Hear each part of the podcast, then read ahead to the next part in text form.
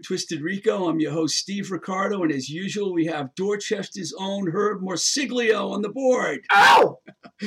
that was the Charms doing the intro music so pretty as we use that song every week. And people are always ask me about that track. They just love that song. Who is that band? And I keep reminding them.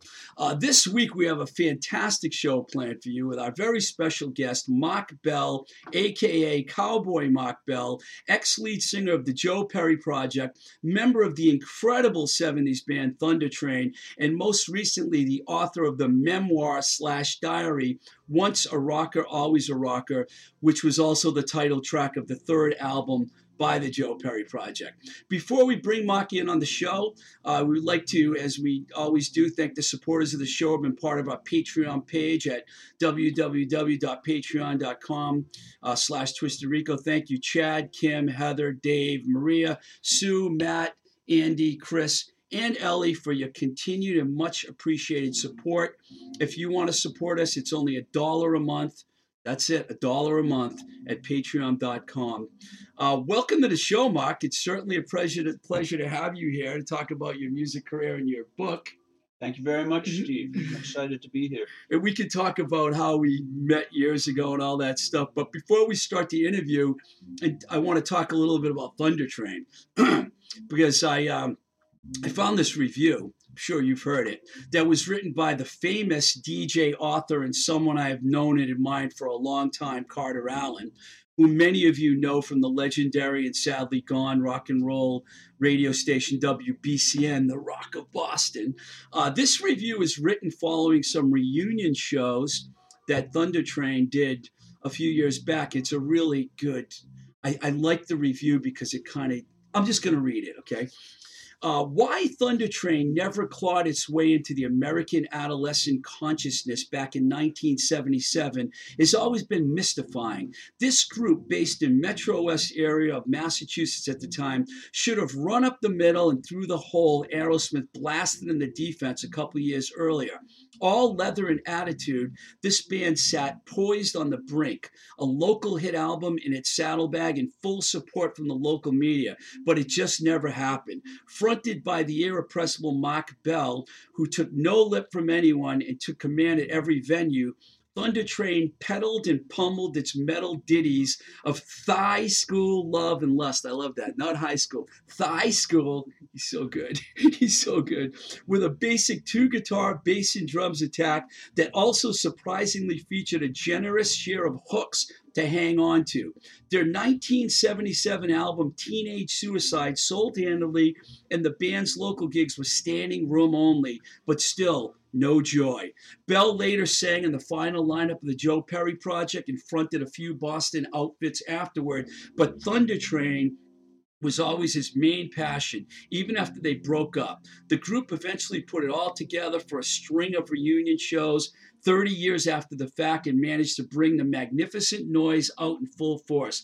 But even after all those years, it all seems like Thunder Train and America was robbed. Carter Alan.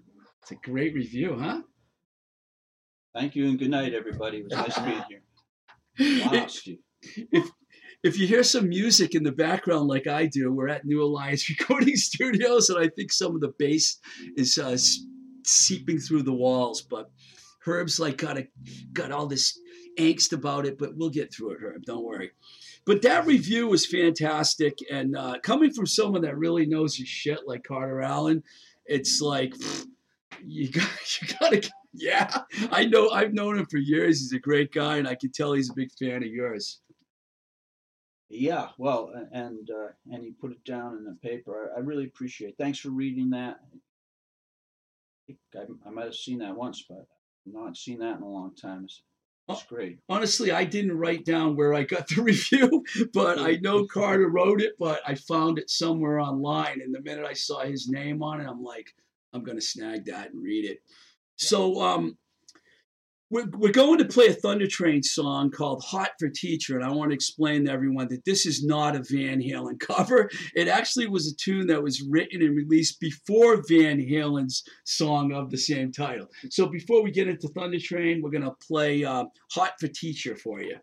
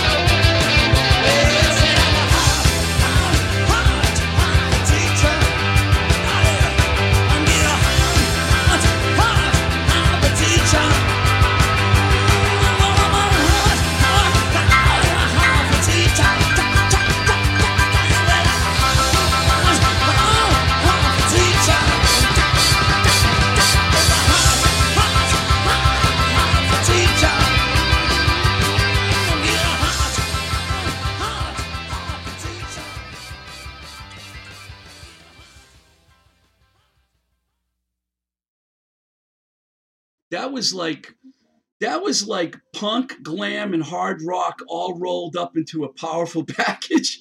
I wrote that. uh, so, can you tell us, Mark, about the early days and how you ended up playing in Thunder Train? Yeah, well, I think we started out as a glitter rock band in 1974. Uh, five guys from the here in the Bay State.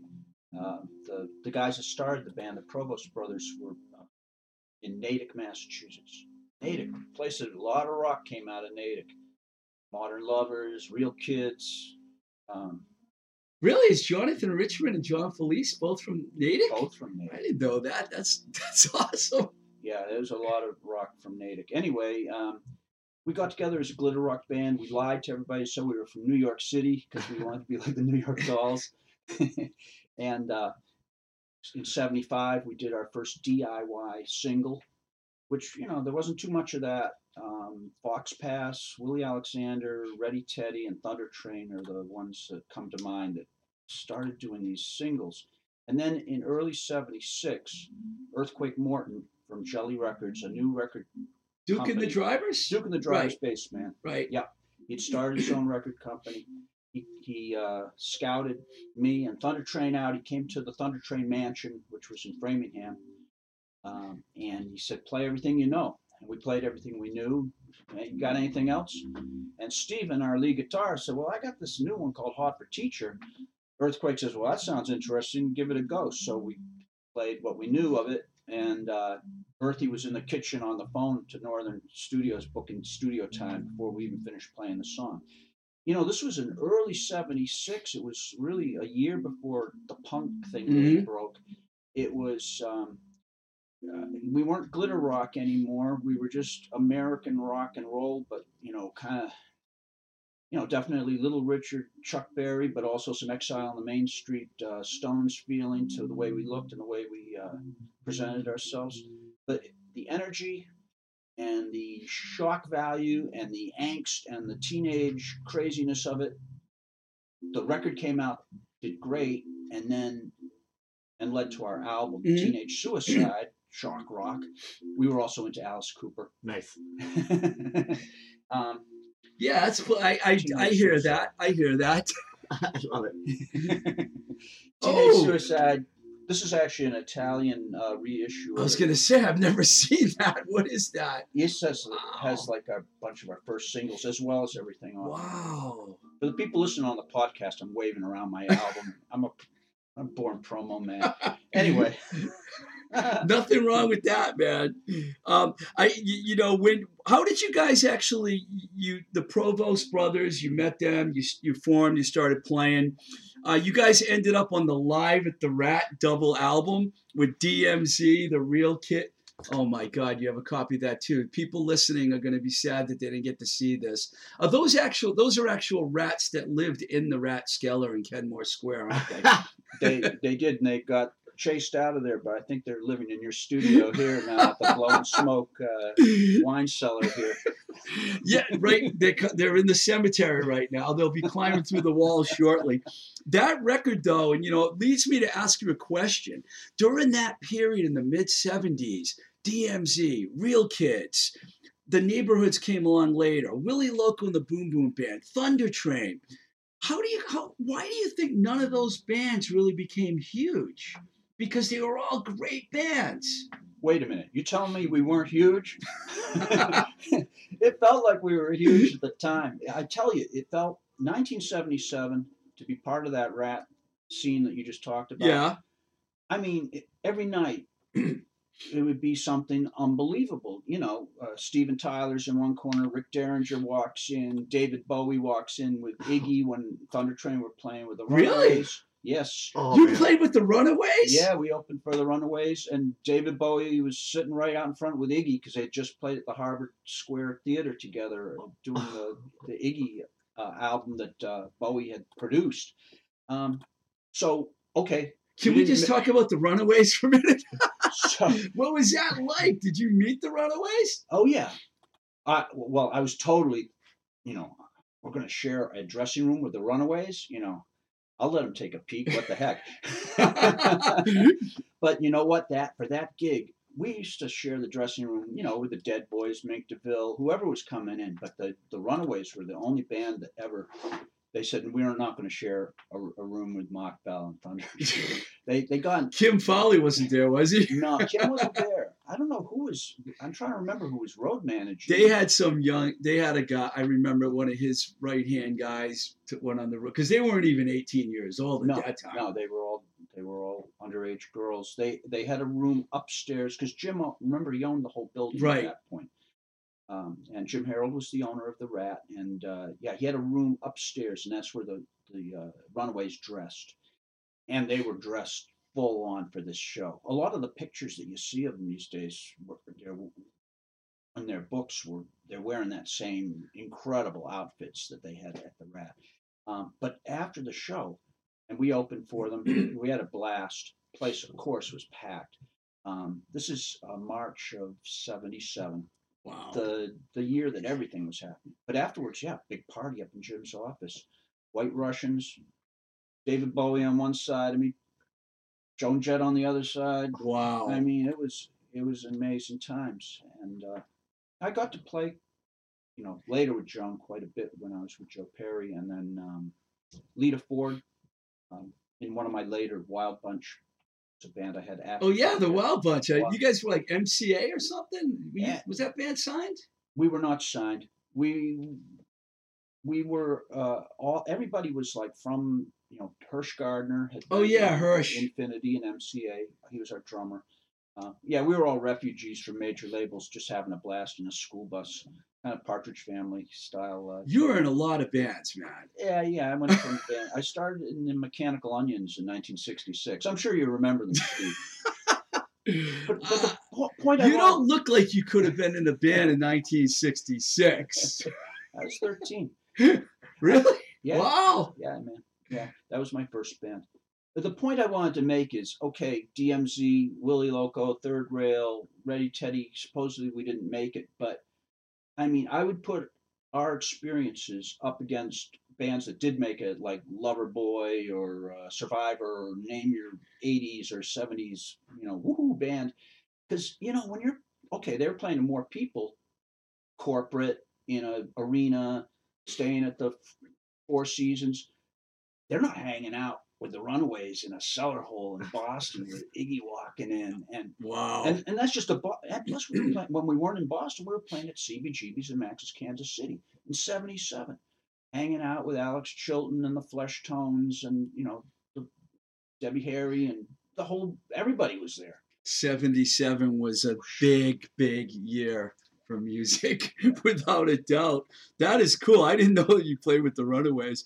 Um, I want to fast forward here a little bit to the Joe Perry project, um, and you know, you the experience which you have documented in your book. Uh, at first, I, I, you know, I get to read the beginning of the book when you got the phone call and you mentioned earthquake. He called you. He was with Tim Collins who Collins and Barrasso at the time. He ended up being Aerosmith's manager. You didn't want to join the band at first, did you?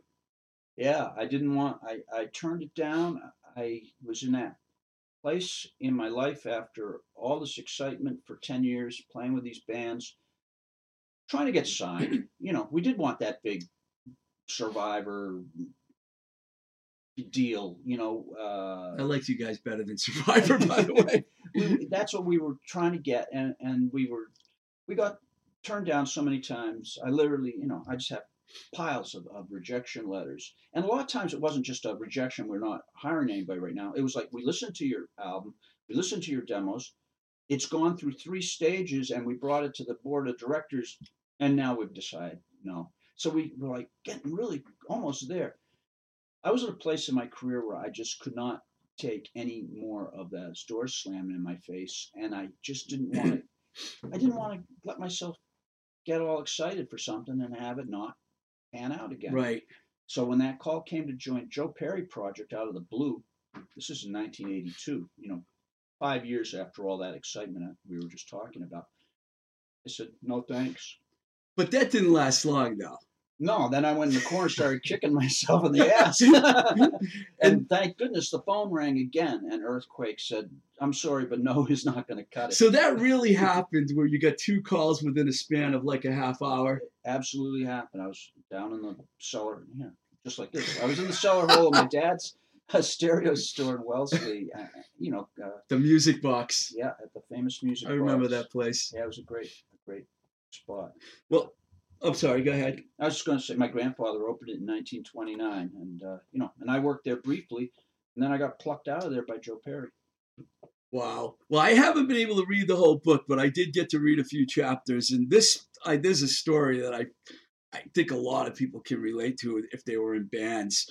Uh, I love the story in the early part of the book that I got to read. I just wrote that down. This is in 1982, as you mentioned. You had to tell your band members and longtime friends, Rick Provost and Bobby Edwards, while you were in the band Mag 4, we'll talk about that in a minute, about how you were auditioning for the band. You're on your way to the famous Longview recording studios in North Brookfield to record a second Mag 4 single.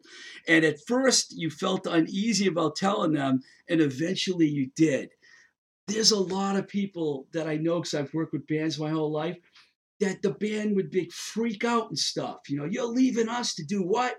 Talk about that. What was that like? Your close friends. Yeah, man, it was. Those were the guys I'd been in Thunder Train with. Thunder Train was a five-man band, and by 1982, we'd come down to a power trio. It was Rick, the bass player, Bobby, my drummer, who'd been with me even before Thunder Train. I'd been with him for 10 years. So musicians out there, you know how it is, you know, you got your brotherhood and, and you know, I'd had times when people came up to me and said, Hey man, I like what you do out front. You should leave your guys and come with me. And I was like, I ain't leaving my guys. You know, we, so we that's what happened. But that's what finally happened. You know, I I got plucked into this thing, so it was very uh, it was very emotional, and it was hard though because we were already booked into this uh, Great recording studio. at a great studio. We had you know the Jesse Henderson. We had every a great team. We're working together, and I didn't want to say anything about it before we recorded because then it would ruin the recording. You know, you never know when you're going to get a good recording. You waited something. till after. I waited till after we did the, the got it all in the can, and then I, I spoke to the guys. But guess what? The guys were so supportive of me and so excited for me that about it that um, they thought I had the gig before I even went to the audition, which was crazy. You know, they just The rumor is that you did have the gig before you went to the audition, though, right? it felt like that, Steve. It was weird. But did you read a little, a few pages after that when you yourself are in my diary too? I didn't get to that part yet. I can't that. wait because I remember playing Mag 4 on WDJM in Framingham, and I know you came by the station. And uh, I haven't seen you since those days, and I haven't seen you since uh, the last time I, I, I saw you was in '82, and you when you called and said, "Hey, I just heard the good news. You got a new job with Joe fucking Perry. you want to come by the back by the station and talk about that?" And I said, "Sure." So I went over and blew some smoke. be careful, Herb might start lighting some stuff up over there like he does every week. But you know, if you want, Herb's got it. so, so once you were in the band, you were signed to MCA Geffen. I, I know back then, I guess they were still together. Uh, MCA was distributing Geffen at that time, and recorded "Once a Rocker, Always a Rocker," the album, uh, which was a very popular record, by the way. Could have probably been the most popular one. I know Charlie's version was, was version of the band was popular, but I think yours was probably the most. And if I'm not mistaken, in a very short span of less than maybe a little more than two years, you did like 230 shows or something. I thought I read that. That's a lot of shows. Yeah, and we were it was to the bone in the trenches. We were in a Dodge van scooting around the United States and up to Canada, uh, staying in uh, not in the Four Seasons Hotel, you know, at the Tall Corn Hotel motel, and uh, from in uh, our equipment was in a little Ryder truck with our crew, and we were in a van. It was like high school rocking all over again. And Joe, Joe didn't mind getting back in a van after being like in a tour bus was- and all that. he was digging it, man, and he had his tapes. His, you know, this is the days of the cassette tape. You know, it's this whole diary all happens in the early '80s, which makes it extra fun.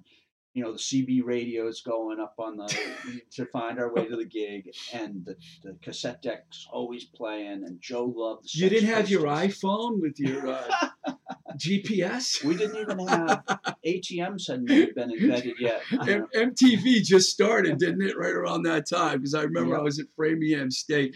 Joe's from Hopkinton, right? Hopedale, Hopedale, Hopedale. Mhm. Sorry, I knew that. And you're from Hopkinton. Holliston, Ho- H H H. So you guys are both like Route 16 Route guys. 16 guys. Webster, right. here, man. Webster. All right, right. where Route 16 started. That's where I'm from. Route 12, actually. I don't know why I'm saying Route 12 and Route 16. So you're in the club too. You might get a call from Joe. Route 16. I might be a little too liberal for Joe, actually, from what I hear, but we, we don't need to get into that. But uh, I think Joe used to work at a gas station because my father told me that Joe Perry pumped gas in his car, like right when Aerosmith Yeah. was releasing like Dream On, you know, I know he washed dishes, so you know, pumping gas. probably did the gas too. Yeah. So uh, um, I'll tell you what. Why don't we listen to once once a rocker, always a rocker, and then we'll get back into the book.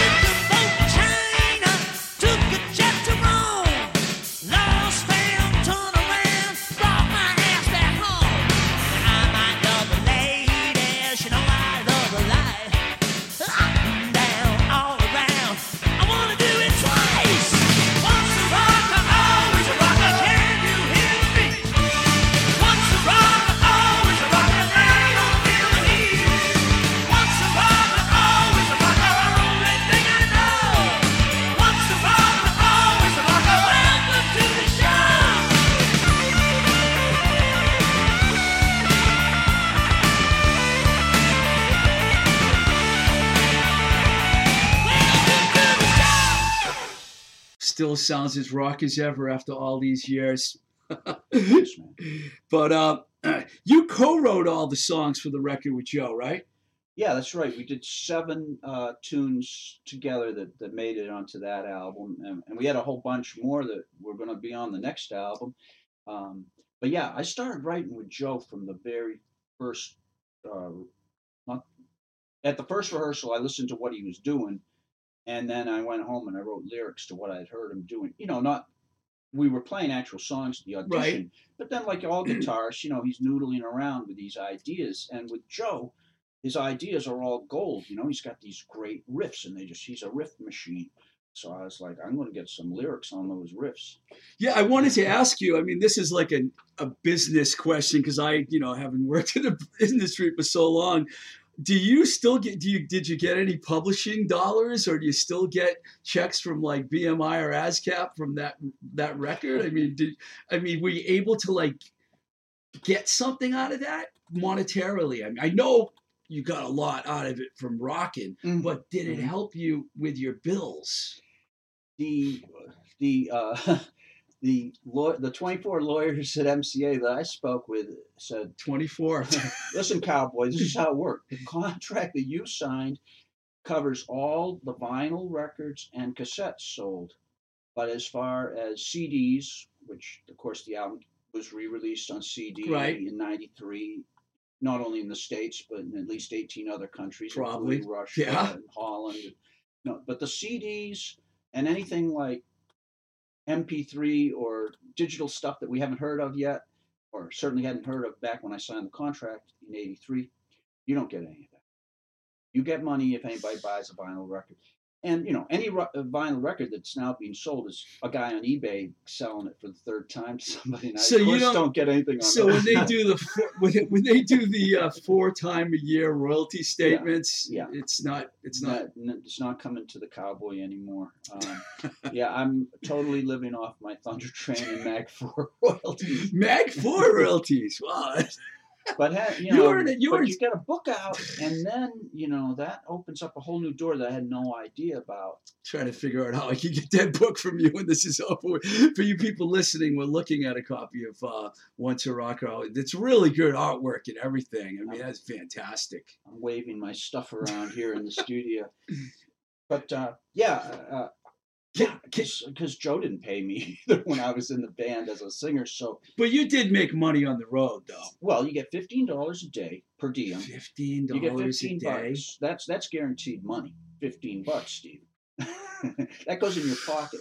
But but no, Tim was paying Hargrove and I by the gig. Danny Hargrove. Danny Hargrove, our bass man, Joe Pet was the drummer in and that Joe version. Pet. Joe Pet was the drummer who ended up on the album. See, there's a whole lost year of, or over a year, where I was with the Joe Perry Project with Ronnie Stewart, the original Incredible um, two man band, Ronnie Stewart. Incredible Yeah. two-man band, yes, and from the first two pro- great project albums. And so there was this long, very long period with Ronnie where we were searching for a record deal. We were touring all over the place with no record deal for a long time. Those 200 and whatever dates you mentioned.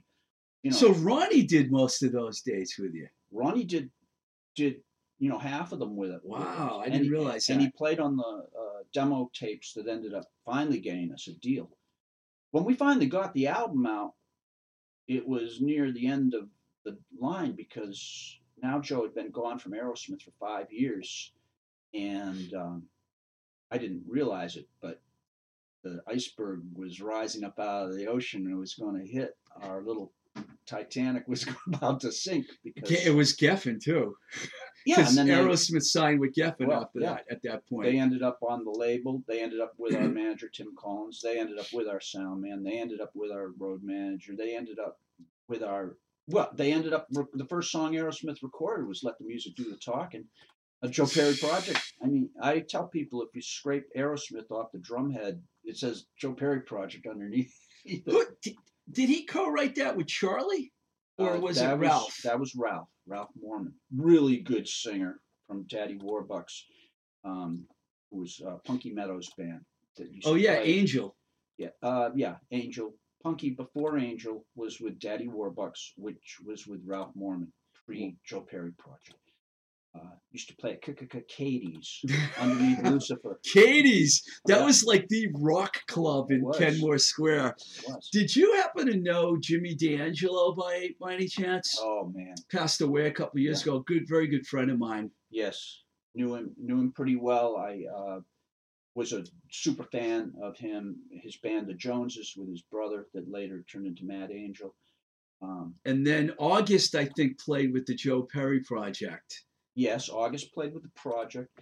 And the first time I ever saw Aerosmith, they were the opening band for Jimmy D'Angelo's Mad band. Angels, yeah. Donnie Thayer's from Webster, so I have a lot of connections with that band. You know, we were. It was devastating when Jimmy passed away, man, Yeah. because nobody was ready for that. It kind of came out of the blue, you know. Absolutely. Yeah, I went to the memorial and saw a lot of old friends there. Yeah, it was actually the Joneses. Uh, he was still the Joneses was the name of it when when Aerosmith opened for the band. But yeah, I used to go see Jimmy up at the Seventh House on Route Nine. There was this famous show at Westboro Speedway. I was very Mm. young, so I didn't get to go. But Donnie's brother Jimmy and I were in school together. He got to go. Aerosmith, Duke and the Mad Drivers. Angel, Duke and the Drivers. That's right. It was like ten thousand people or something. Westboro. Speedway.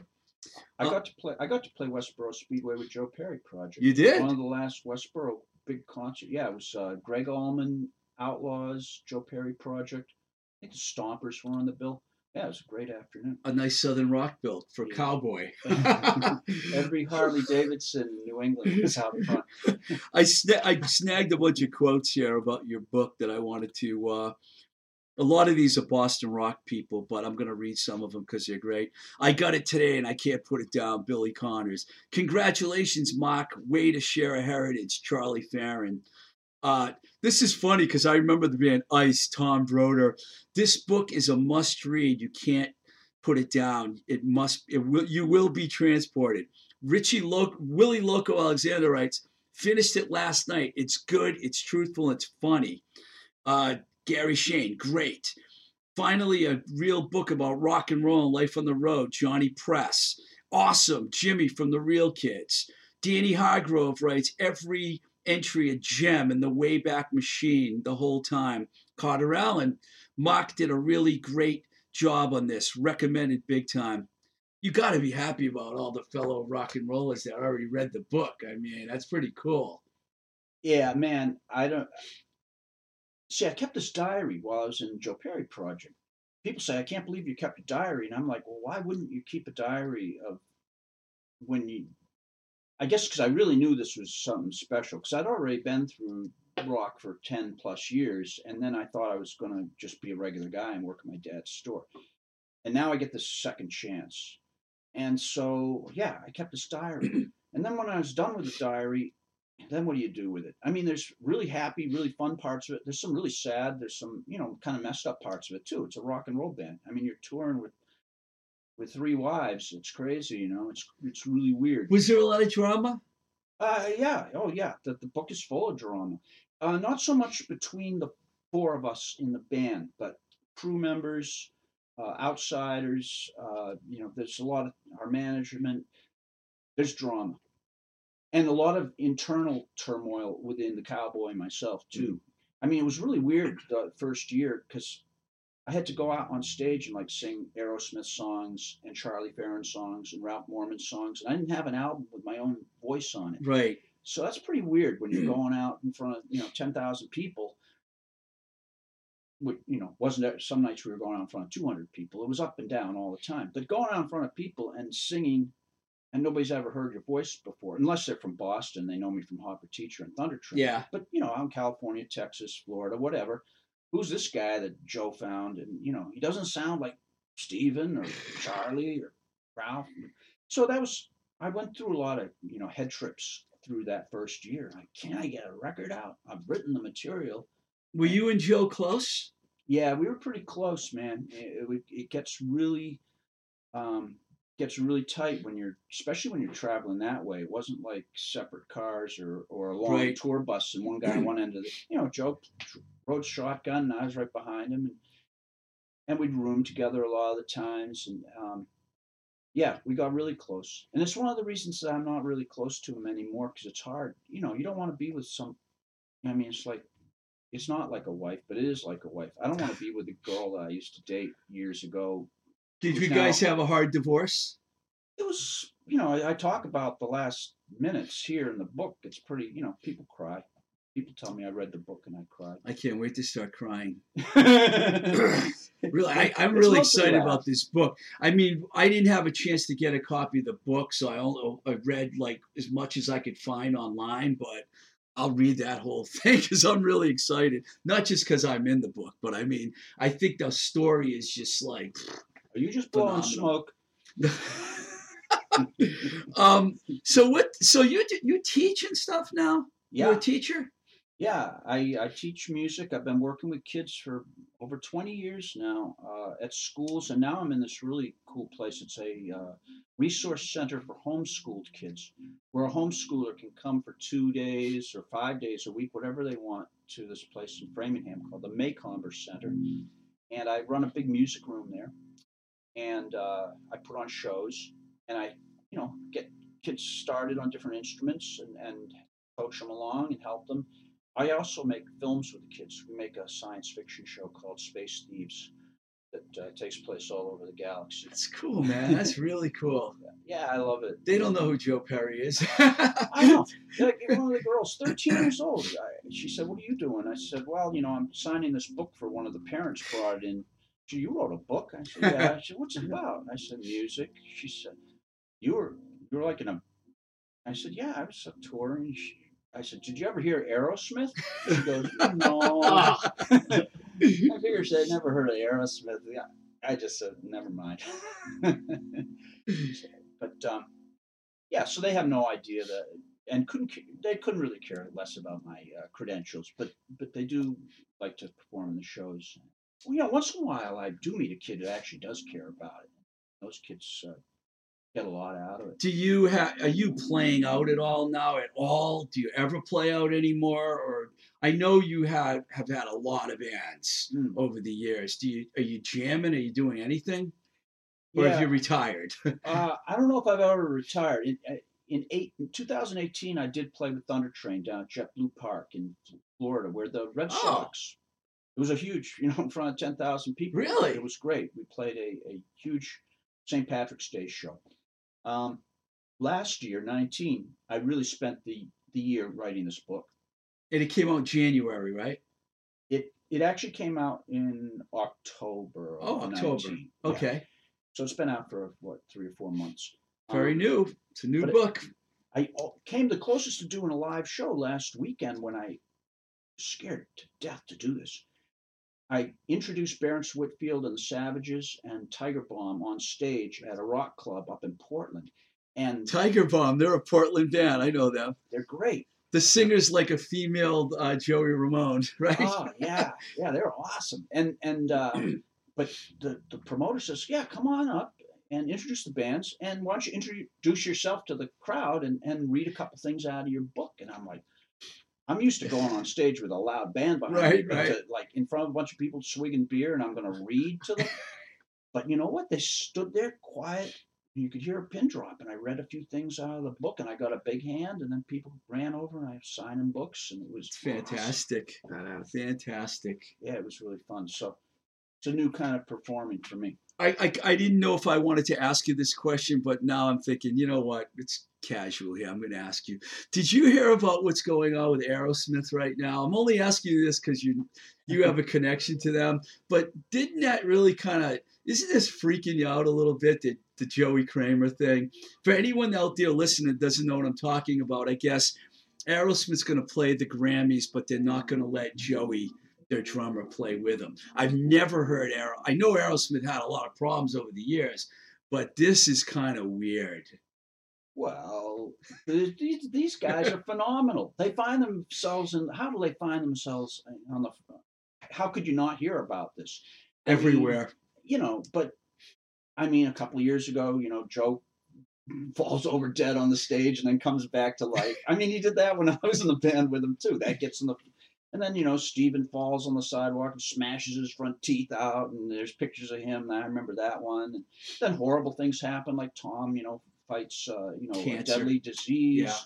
And uh, Brad had to come back from a J- Japanese tour because of death in the family, and now it's Joey's turn in the barrel. And um, at the end of it, it's the damn Grammys, Steve. What does mu- what does the Grammys have to do with music? I mean, Good point. I mean, the show is going to be tomorrow night. and by Monday afternoon, everybody's going to forget about it, unless you're some kind of a you know a big fan of little spicy or whoever they're going to trot out there. I'm not, you know, I know, I know, I, I don't know who the drummer's going to be, but I just had to bring it up. Yeah. I mean, since you know you have the connection. But Yeah, you can never take away from Joey Kramer. I don't care if he misses the Grammys or whatever goes on this weekend. Aerosmith has a 50 year track record, and Joey Kramer is one of the greatest drummers in rock Yeah. history, and you'll never take that away from him. I don't care what happens. So let these elderly gentlemen do their have their little things. Like I said, it's you got four wives. It's crazy what goes on. But I got to meet Aerosmith a couple times and saw them like I think 15, about 15 times. But when they did the Love in an Elevator video way back in LA, David Robertson, good friend of mine, was like Tyler's right hand guy for a while. He invited me down. You're, you're gonna think this is funny. I met the whole band, talked to all of them except for Joe. He kind of like stood in the back, but the whole time I had my ex girlfriend Terry, rest in peace. She's no longer with us he was staring at her the whole time. Okay, she ended up talking about this for months. Joe Perry was in love with me. He was couldn't get his eyes off me. And I'm just standing there, and every time I looked at him, he's just looking right at her and eyeing her up. And I'm like, mm, I guess I just should be happy about this, right? what else could I possibly do? do? But Joe, anyways, thank you very much, man, for coming on the show. I really appreciate it. I wish you great success. Once a rocker, always a rocker. It's obvious that you're still a rocker, dude. Steve, thanks a million for having me on the Blowing Smoke show. It's a, a highlight of my career, I gotta say. Better than WDJM rocking in Boston. that was great too. Nice meeting you too, Herb. Good job over there. Okay, before we go, I want to thank our sponsor, JLS Design, 187 Main Street, Leicester, Mass. They do custom screen printing and embroidery. It's a great place for bands to get all their t-shirts, hats, hoodies, etc. JLSDesignPrinting.com. They made our Blowing Smoke with Twisted Rico shirts for us. We're going to get more. Uh, my email address is twistedrico at gmail.com. At Instagram and Twitter, you can find me at Twisted Rico. Please send me your comments, questions, etc., and check out the Patreon page where you can sponsor us for only a dollar. This is Blowing Smoke with Twisted Rico. I'm your host, Steve Ricardo. And until the next time we say goodbye, we love you, Busy Phillips. Keep the rock and roll alive. Busy Phillips.